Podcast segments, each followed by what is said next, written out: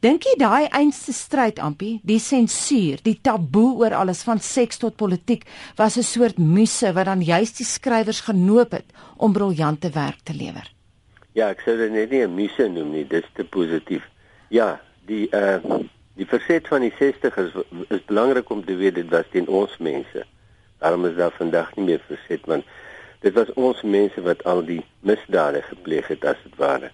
En die uh publikasieraad was die regering se wapen om feitelik uh, groot dele van die Afrikaanse letterkunde te vernietig. Hulle het nie geweet wat letterkunde is nie. Hulle het nie geweet hoe gevaarlik letterkunde kan wees nie. En ek sal dit selfs wag om te sê dat die 60's tot 'n groot mate die stryd teen die uh, uh, teen die politieke ideologie gewen het. Omdat daardie letterkunde uitgestyg het tot 'n baie belangrike deel van ons kultuur. En dit was die geveg teen die publikasieraad wat 'n groot deel daarvan gedoen het. Ons het uh, byvoorbeeld so ver gegaan met 'n uh, uitgewerytjie wat ons begin het met die naam van Taurus wat 'n soort wat die Russe sou genoem het 'n Samistad. Ons het boeke uitgegee, uh, skelmboeke uitgegee. Ek onthou ek en John Miles boeke wat skus wat ons laat wat ons laat druk het dat ons dit skelm in die Johannesburgse poskantoor gaan uh, gaan pos het. Dit was natuurlik naïef en uh, maar ook bietjie van 'n speelietjie. Ons het ook met uh, saam met 'n uh, ook 'n linkse uitgewery, uh, Raven Press wat ook later toegemaak is dink ek.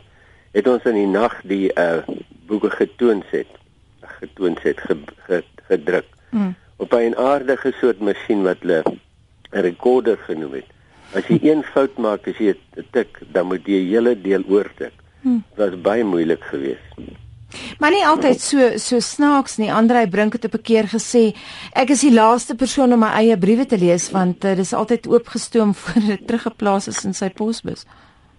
Ja, ek weet nou nie spesifiek daarvan nie. Andrei het natuurlik ook bietjie oordryf.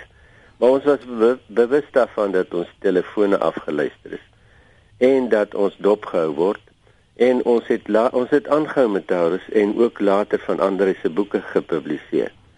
En daar was 'n uh, joernalis, Koenie Slabber, wat ons baie gehelp het met in die koerant uh geadverteer het, geskryf het oor boeke wat gepubliseer gaan word sodat lesers bewus bewus gemaak is daarvan en mense meer en meer bewus gemaak het van letterkunde. Nou Andre P Brink het geskryf dit sou ondenkbaar wees dat 'n hele geslag sonder protes moet verbygaan. Waaroor skryf vandag se jong letterkundiges? Ja, ek is nie heeltemal seker van die poesie nie. Ek weet dat daar goeie letterkundiges is, dat daar goeie skrywers is. Soos byvoorbeeld Dani Maree en Altus Maree en uh Selpie Nodie. Maar hulle is nie so polities betrokke nie ook omdat dit nie hulle mense is skus toe wat hulle in op in opset uh, in opstand kom nie. Die belangrikste uh, verskynsel nou lyk vir my is die roman.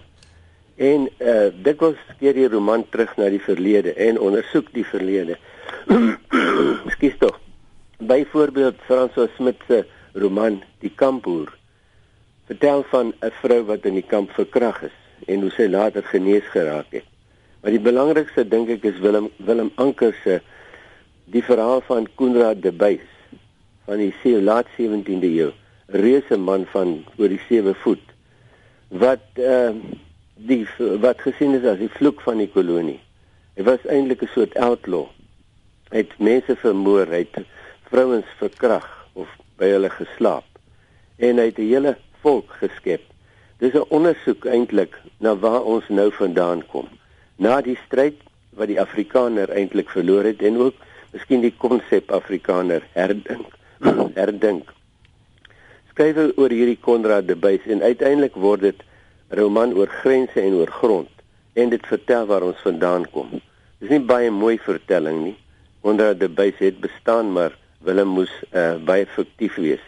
En die roman op die buiteblad staan daar. Dis baie skokkend eintlik Oor kan die grense soos almal bastaards, almal drosteronde. Nie baie positief van ons verlede nie. En ek dink dis nog die ergste boek wat oor die Afrikaner geskryf is. Ampie, hoe lyk ons moderne poësie? Die moderne poesie is meer gerig op die poesie self. Verset poesie is gerig op 'n 'n spesifieke ideologie.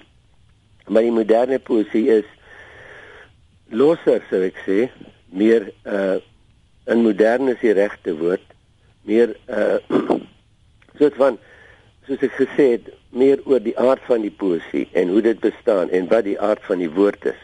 En die feit dat die woord slegs 'n teken is en nie die ding self nie.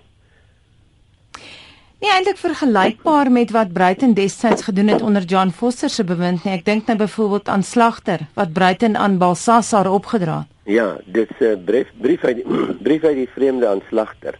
Dis 'n geweldige aanvallende brief, totaal en al wat mense noem lesse majesty. Hy verwys na uh, Baltasar, soos dit nou uh, aan hom opgedra is, en hy beskou hom as slagter en as mens wat die gevangenes, die die gevangenes wat gevang is in daardie tyd laat martel het, laat ophang het en uh, gevange gehou het.